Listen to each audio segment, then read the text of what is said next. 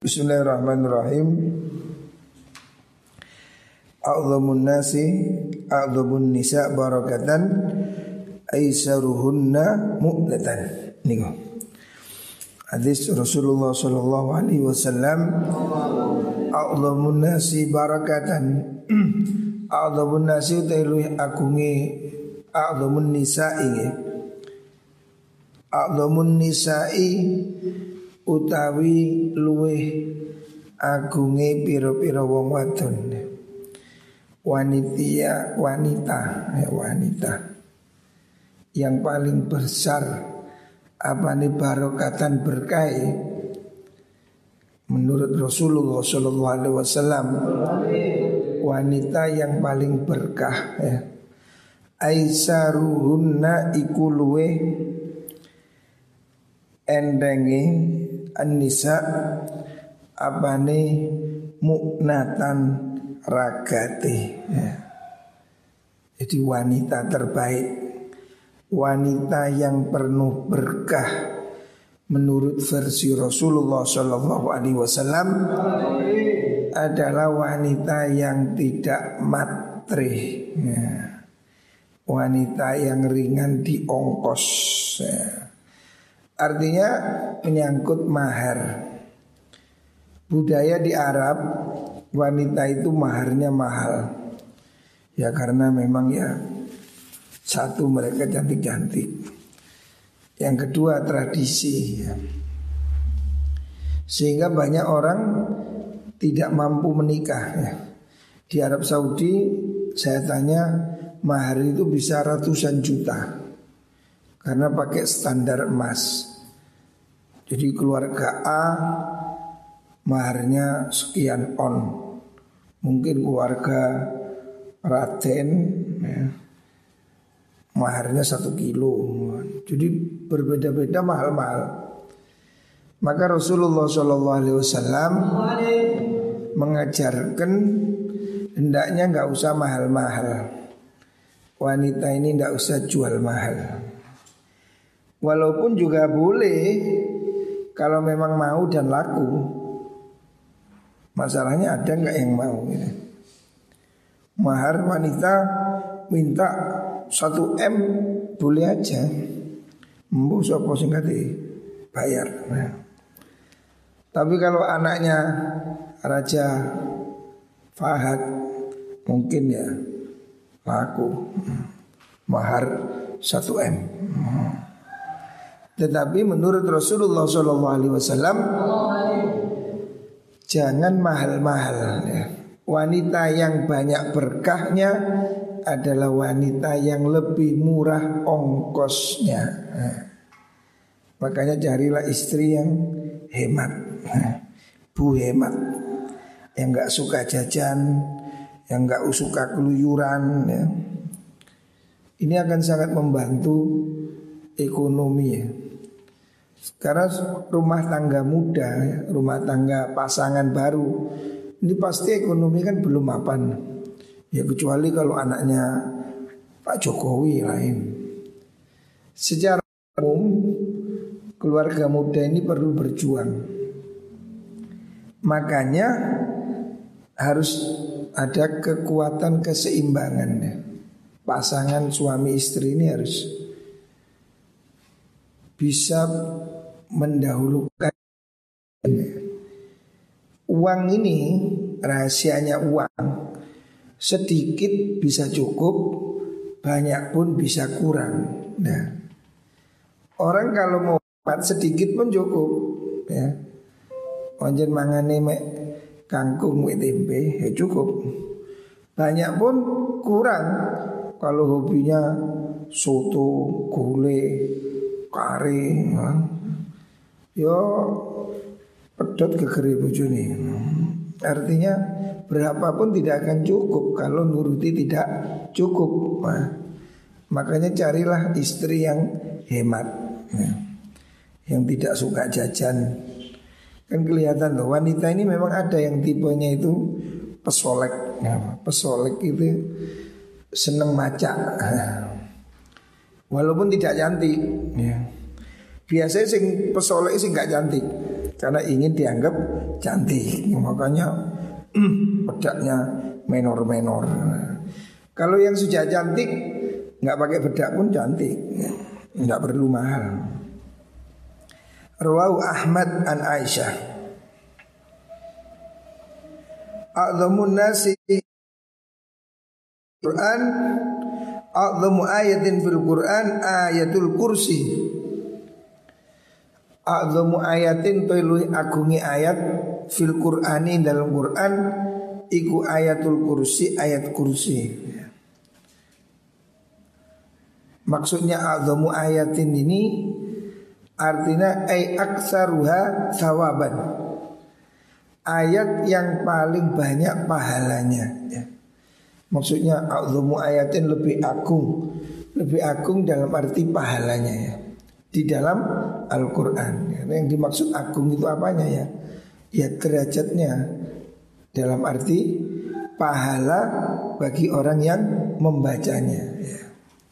Walaupun mungkin ada ayat yang lebih panjang ya. Jadi ukurannya tidak lebih panjang atau lebih pendek. Tapi memang itu ajaran gitu Rasulullah Shallallahu Alaihi Wasallam menyatakan ayat yang paling agung pahalanya itu ayat kursi, itu ayat kursi. Kenapa kok ayat kursi agung pahalanya?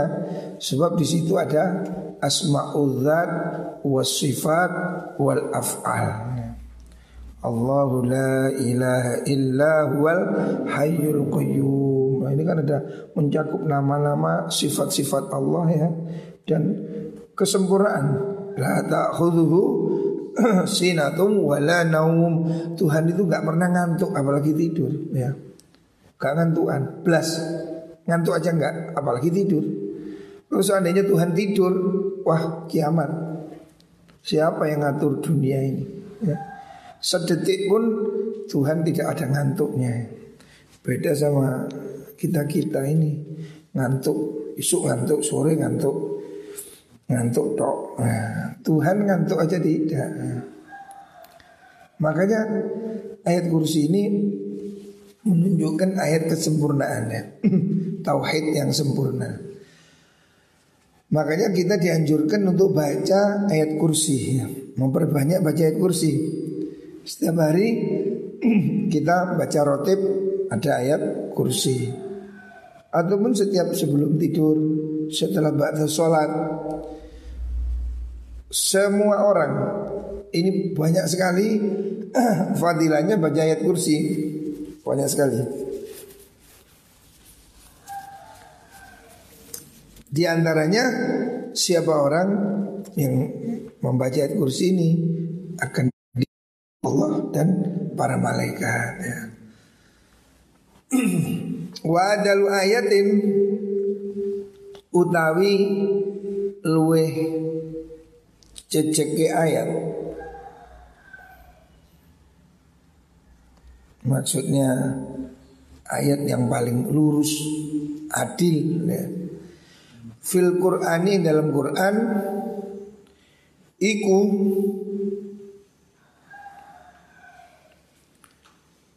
Innallaha ya'muru bil adli wal ihsan Ayat Innallaha ya'muru bil adli wal ihsan. Ini biasanya dibaca khotib kalau naik mimbar. Innallaha ya'muru bil adli wal ihsan. Ayat itu Ayat Allah memerintah Allah ya'mur perintah sebab Allah Bil adli kelawan keadilannya Adil itu lurus di tengah ya. Tauhid itu kan lurus ya. Tidak ke kanan, tidak ke kiri ya. Tidak radikal, tidak liberal ya. Lurus adil Wal ihsan Allah merintahkan adilan dan kebaikan Maksudnya Allah merintah kepada kita untuk berbuat baik pada siapa pun ya. Dalam tindakan, dalam ucapan ya. Nah, ini perintah yang paling adil. Perintah keadilan itu dalam Al-Quran adalah di samping ayat yang lain, tapi yang paling tegas innallaha ya'muru bil adli wa ihsan wa itaizil qurba wa yanha anil fahsya'i wal munkar. Ya, itu ayat yang biasanya dibaca setiap khutbah ya. Itu adalah kata Rasulullah Shallallahu Alaihi Wasallam ayat yang paling adil, paling lurus. Terus wa ahwafu ayatin fil Quran. Wa ahwafu ayatin tailuhi medeni ini ayat. Ayat yang paling menakutkan. Fil Qur'ani dalam Quran. Iku famay ya'mal mithqala dzarratin khairan yarah. Wa may ya'mal mithqala dzarratin syarran yarah itu ayat yang paling menakutkan dalam Al-Qur'an. Makanya ulama kalau baca ayat ini pasti takut nangis ya. Sebab ini ayat yang paling menakutkan. Karena apa? Allah menghitungnya dalam hitungan terkecil ya. Famayyamal mithqala dzarrah. Siapa beramal seberat biji sawi. Dzarrah itu bagian partikel terkecil. Zaman dahulu bijinya sawi Debu, atom Partikel kecil. Akan terlihat ya. Kebohongan kebaikan cuma kebaikan sekecil apa pun tampak kejelekan sekecil apa pun akan tampak. Makanya ini ayat ini sangat menakutkan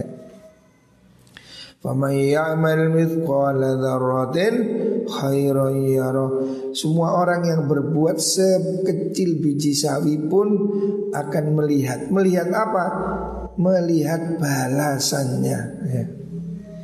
Artinya semuanya ada hitung-hitungannya ya. Orang hidup ini tidak selesai begitu aja. Ya kalau ayam mati dikubur, manusia mati ada hitungan ya. Sekecil apa pun akan kamu lihat ya. balasannya. Atau akan kamu lihat catatannya. Kita ini besok kan akan dapat catatan amal ya. Wa amma man utiya kitabahu biyamini fasawfa yuhasabu hisaban yasira. Ada yang kasih kitab dengan tangan kanan. Hisabnya enteng, bagus. Wa amma man utiya kitabahu wara'a dhahri ha? Wasawfa yad'u thubura wa yasla sa'ira. Enggak main-main itu. Kalau kamu kitabnya besok diterima pakai tangan kiri, waduh celaka ini ya. Makanya ayat ini sangat menakutkan ya. Jadi Rasulullah sudah mengingatkan kita semua ya. Ayo berbuatlah yang baik ya. Ayat yang paling menakutkan itu adalah Famay ya'mal mithqala dzarratin khairan yara. Famay ya'mal mithqala dzarratin syarran yara. Ini ini harus hati-hati. Wa arja ayatin fil Quran wa arja ayatin tailui dan arab arab ayat ayat yang paling memberikan pengharapan ayat yang paling optimis ya, dalam Al-Qur'an ya. Jadi Quran ini lengkap ada yang menakutkan ada yang membuat harapan ya. Takut saja bahaya Hari ini orang takut corona, bunuh diri, bahaya. Takut toh. Harapan juga perlu ya. Nah, ayat yang menunjukkan harapan besar bahwa kita ini akan selamat juga di Al-Quran wa arja ayatin fil Quran ya ibadiyalladzina asrafu ala anfusihim la taqnatu min rahmatillah Innallaha yaghfiru dzunuba jami'a. Ini ayat yang paling membuat optimis ya.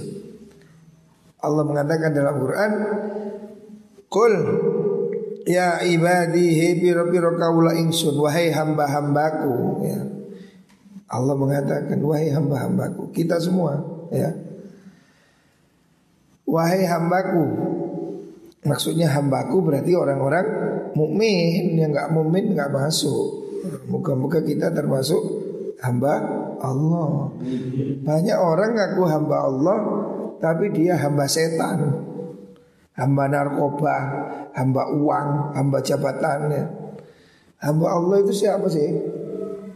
Allah katakan dalam Al-Quran Wa ibadur rahman Alladzina yamshuna alal ardi hauna Wa idha khatabahumul jahiluna qalu salama Itu ibadur rahman Ciri-ciri hamba Allah itu ya Orang yang tawadu Yamsuna alal ardi hauna Wa idha khatabahumul jahiluna qalu salama Kalau diganggu orang gak ngamuan Qalu salama ya dia mengucapkan yang baik.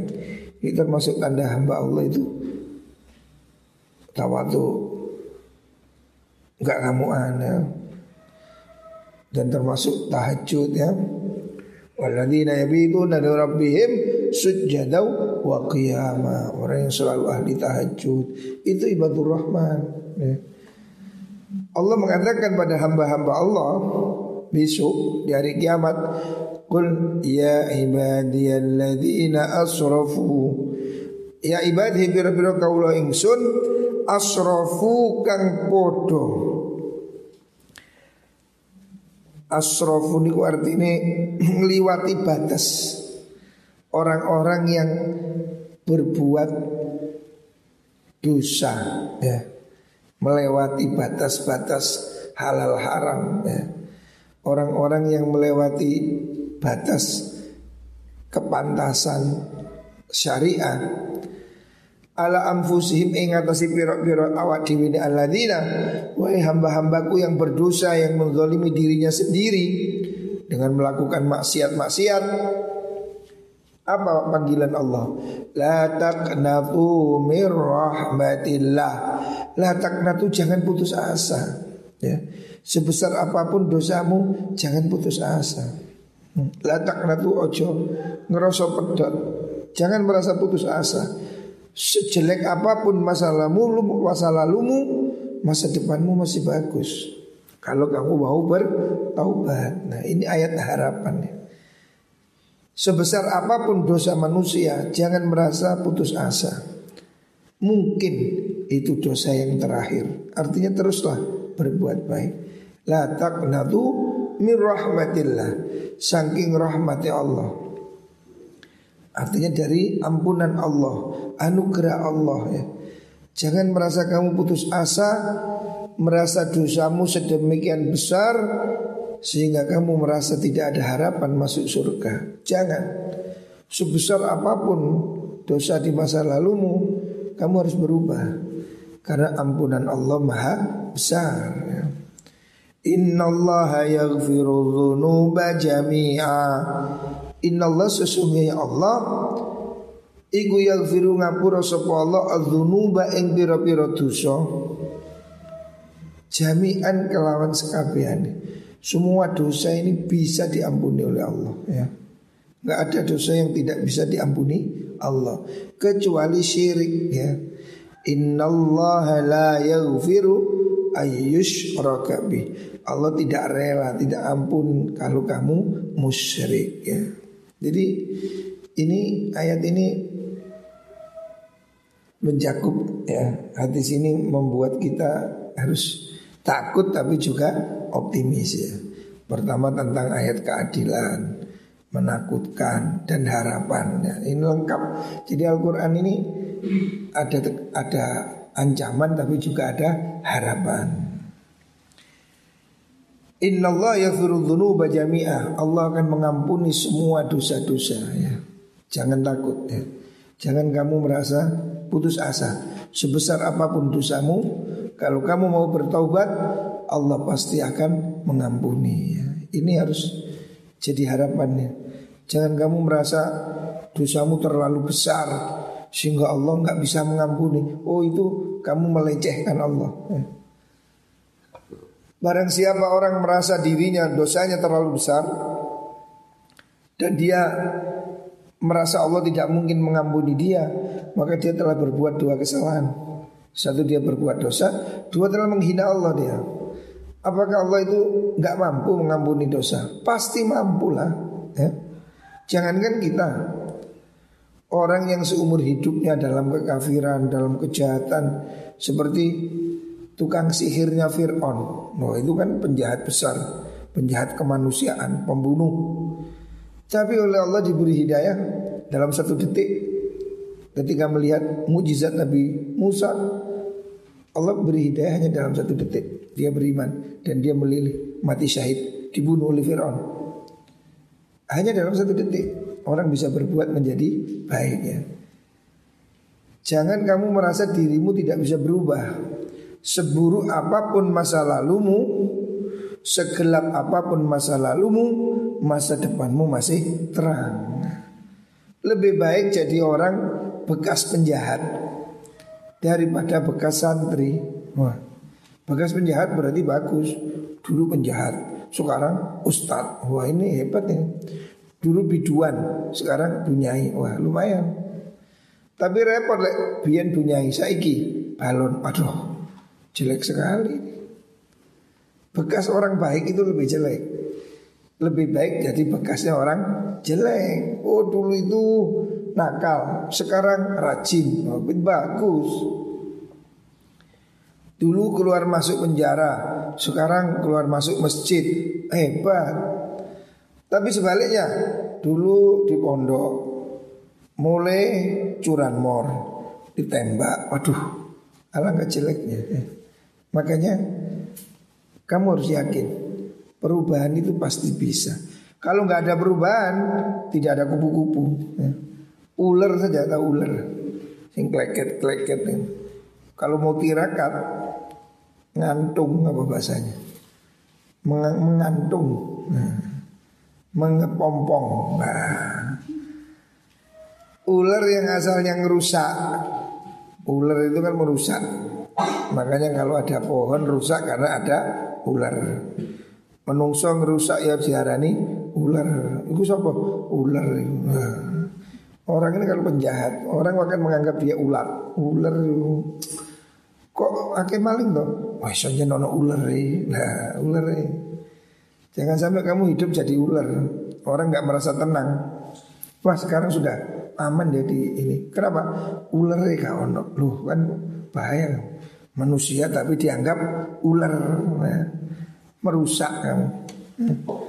Ular kau ono. Jangan sampai kepergianmu disyukuri orang. Mari enak apa ular reka ono. Waduh. Alangkah sedihnya hidup jadi ular. Tetapi ular pun kalau jadi baik mengepompong, ngentung. Nah, ular kan bisa menjadi antung. Apa antung? Ya kepompong ini. Ular kalau mau tirakat dia akan berubah menjadi kupu-kupu terbang. Nah, kudu kudu tirakat mengepompong. Ular gak ngepompong, melaku-melaku. Cucu PT tewas ya. Kamu juga begitu kalau hidupmu sudah seperti ular selesaikan, hentikan. Kayak pondok, segerasan, wiritan, jamaah, ngaji, tinggalkan semua kejahatanmu. Maka kamu akan terbang jadi kupu-kupu. Ular bisa berubah jadi kupu-kupu. Manusia juga begitu. Harusnya Ramadan ini membuat kita berubah jadi baik. Kan kita ini di karantina Gusti Allah. Kalau di karantina Ramadan gak gelem ditambahi karantina Corona. Nah, ini tambahan ini ekstra. Kau menang kok angel teman. Kayak Corona PSBB nah, ini hari ini sudah ada PSBB sekalian itu diantung no. Hmm. Supaya apa? Kalau kamu diem mengurangi maksiat, mengurangi dosa, maka kamu akan bisa jadi kupu-kupu ya. Perubahan itu pasti bisa. Buktinya ulat bisa jadi kupu-kupu. Tapi harus mau jadi kepompong. Kepompong gak ada betul-betul. Ono kepompong betul, cocok PT kan. Santri ngono keluyar keluyure cocok PT. Jangan ke mana-mana ya. Tirakat ngaji, wiritan, zikir, taubat ya. Ramadan bumbung masih ada kesempatannya. Muka-muka setelah ini kita berubah jadi kupu-kupu. Ojo mari ngantung metu jadi kucing garong. Wah, ini tirakatnya salah ya. Asal ular jadi garong. Wah, ini Ramadannya saat gagal ini. Rawahu Sayrazi an Ibnu Mas'ud. Iklamu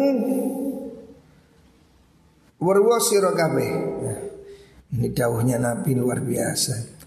Iklamu warwa sira kabeh annau kelakuan iku laisa orna iku minkum sanging sira kabeh min ahadin wong siji apa illa malu warithihi angin bondone ahli warise ahad artinya harta kita harta yang kamu cari susah payah itu toh akhirnya juga akan diwaris oleh orang lain ya. Kamu hidup pasti akan mati Setelah mati ke mana? Mau bawa ke mana hartamu? Pasti tidak ikut lah Hartamu akan jadi milik ahli warisnya ya. Ilama luwarisi angin utawi bondone ahli warise. Wong iku ahabbu ilaih. Kabarnya di sini. Iku ahabbu luin demenaken ilaihi maring ahad min malihi saking bondo bondone awak dhewe ahad. Maksudnya gimana ya Nabi mengatakan kamu ini semua lebih menyukai harta ahli warismu daripada hartamu sendiri. Oh, ini kan seperti aneh. Orang kan suka logikanya orang suka hartanya sendiri. Tapi enggak. Hakikatnya kita ini bekerja, berusaha, susah payah. Sebetulnya kamu itu mencarikan harta untuk orang lain, untuk ahli waris. Karena kamu tuh makan ya paling tiga kali. Gak mungkin lah Walaupun kamu kaya terus Makannya 120 piring Walaupun kamu konglomerat Apa mungkin makannya itu Satu tronton Kalau saya kaya Makan satu piring Rugi dong. Miskin juga satu piring. Kaya saya mau makan Satu fuso. Wah, Gak bisa. Makan dia paling dua piring udah berteteknya. Artinya untuk apa kamu susah payah bekerja?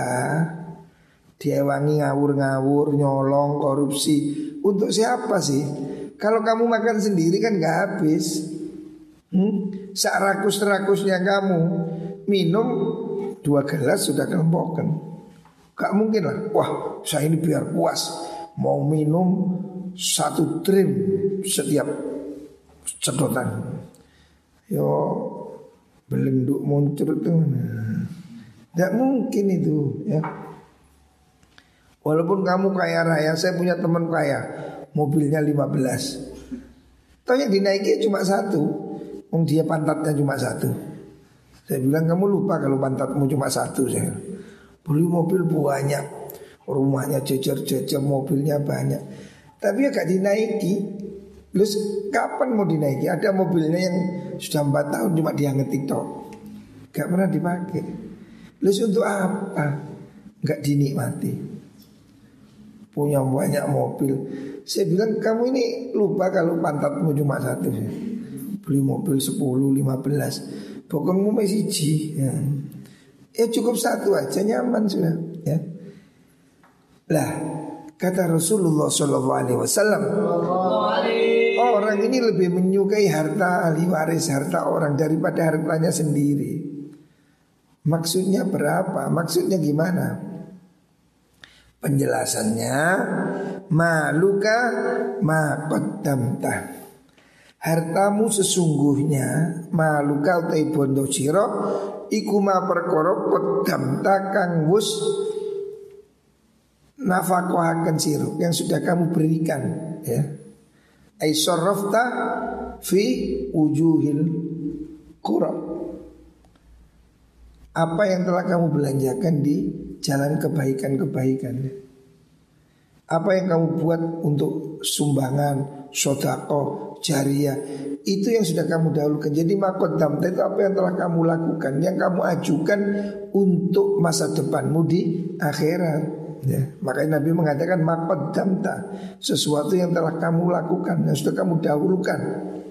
Maksudnya sudah kamu kirim untuk melewati hidup setelah mati. Jadi hartamu itu adalah apa yang kamu berikan pada amal ibadah itu hartamu ya. Hartamu sesungguhnya itu bukan yang kamu taruh di bank, bukan yang kamu belikan sawah berpuluh-puluh hektar, itu bukan hartamu. Toh kalaupun kamu punya sawah 100 hektar, untuk apa? Kamu mati, anakmu 10, kapling, kapling, kapling, habis. Ya. Hartamu yang sesungguhnya adalah apa yang telah kamu kirimkan untuk kehidupan setelah mati. Artinya yang telah kamu sedekahkan, jariahkan, itu hartamu sesungguhnya. Sebab yang kamu simpan itu belum tentu milikmu. Ya. Kakek buyut saya, Haji Abdul Rashid ini konglomerat pada zamannya. Nah, buyut saya ini namanya Haji Abdul Rosid ini pada zaman Belanda tujuh kali meninggal di Mekah. Zaman lontol naik haji itu waktu itu sulit sekali.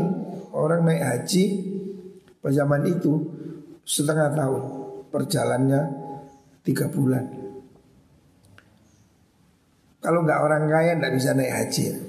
Lu kakek buyut saya ini dulu zaman Jepang, zaman Belanda sudah haji tujuh kali. Namanya Haji Abdul Rashid di Ganjar Kendalki Kaya raya Sawahnya berapa? 124 hektar hmm. Tuan tanah Jadi buyut saya ini kaya raya Pada zamannya Orang belum punya mobil Kakek buyut saya sudah punya mobil hmm. Tapi apa? Tapi hari ini sudah habis karena yang sudah diwaris, anaknya banyak, bagi punya anak lagi di ini. Ya kecuman sajuil sajuil. Ya. Artinya harta dia yang sekian ratus hektar hari ini sudah tidak berwujud. Yang berwujud apa? Yang dia wakafkan itu masjid di Ketawang. Ada masjid Ar-Rasyid pinggir jalan. Nah, itu hartanya yang abadi ya. Harta yang telah dia berikan untuk wakaf masjid. Konon kakek saya itu dulu wakaf tiga masjid. Ya itu hartanya yang masih awet. Sawahnya yang 120 hektar, amblas wis diketok-ketok. Turun deh anak itu seneng jajan dijual dijual habis sudah. Kampung saya ini kampung haji ya. Pondok An-Nur ini ada di daerah namanya Kampung Haji. Kenapa disebut Kampung Haji? Karena orangnya kaya-kaya, naik haji semua. Kampung paling terpandang di desa Bulu Lawang ini kampung saya. Jadi Kampung Haji. Hmm. Artinya penduduknya ini orang kaya naik haji semua. Haji semua saya kampungin. Maka disebut Kampung Haji. Dulu saiki Ya ono bakul kerupuk, ya ono macam-macam hari ini ya. Hari ini sudah Hari ini sudah sudah habis dulu buyut saya orang kaya raya ya. Buyut dari kakek saya Haji Abdul Rasid yang di sini namanya Haji Murtado, orang kaya. Buyutnya namanya Singo Yudo. Wah.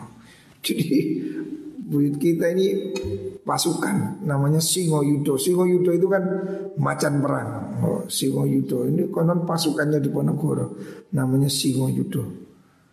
Orang kaya hari ini entah wis wis di kapling-kapling habis.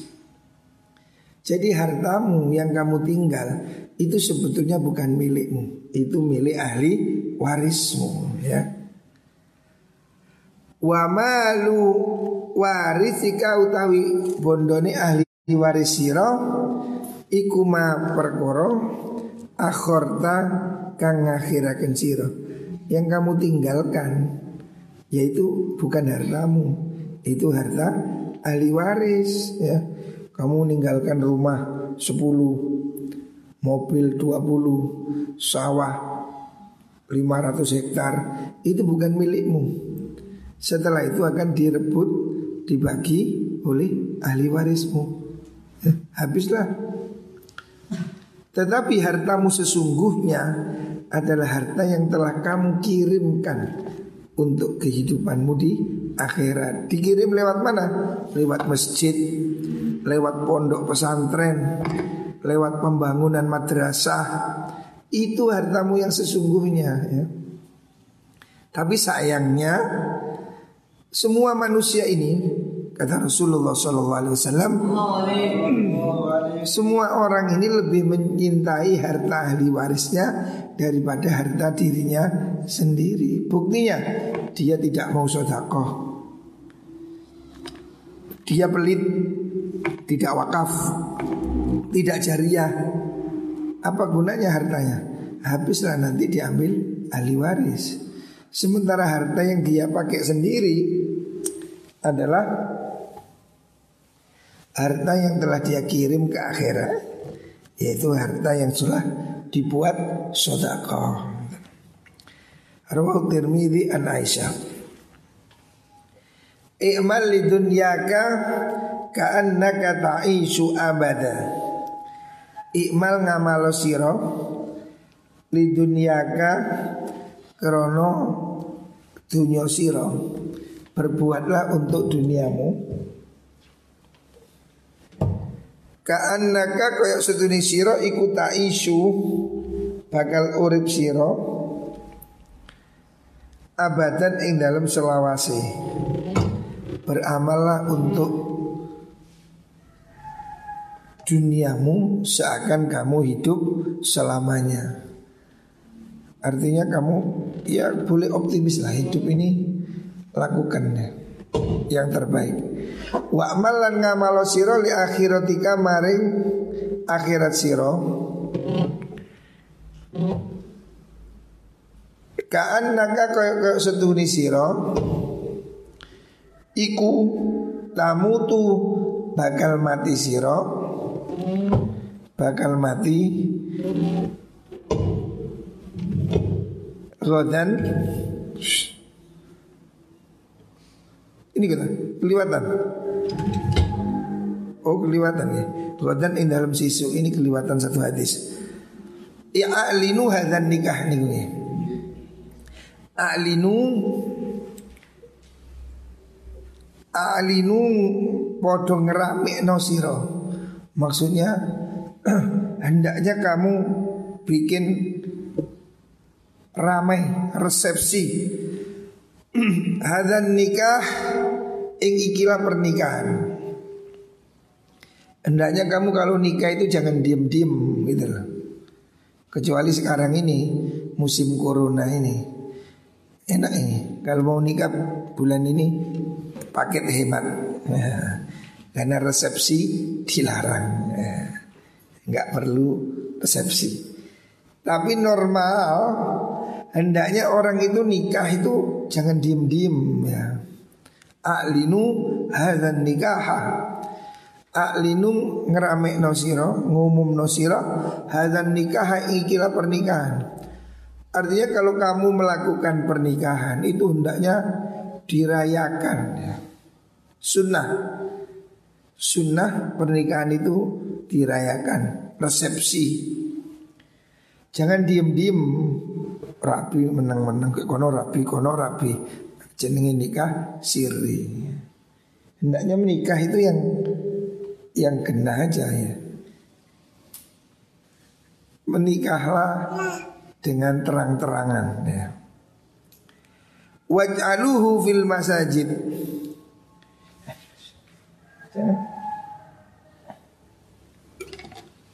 Waj'alu dan dadek nasirahu ing nikah fil masajid ing dalam pira-pira masjid.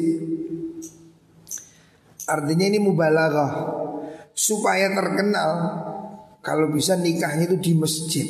ya. Artinya kenapa kok nikah di masjid? Supaya semua orang tahu ya. Sebab menikah ini kan tujuannya supaya orang tahu ini loh istrimu ini loh. Nah, makanya juru nikah di masjid ya. Menikahlah di masjid wadribu lan mukula sira kabeh bitufufi alaihi ing nikah bitufufi kelan pira-pira terbang rebana itu lah.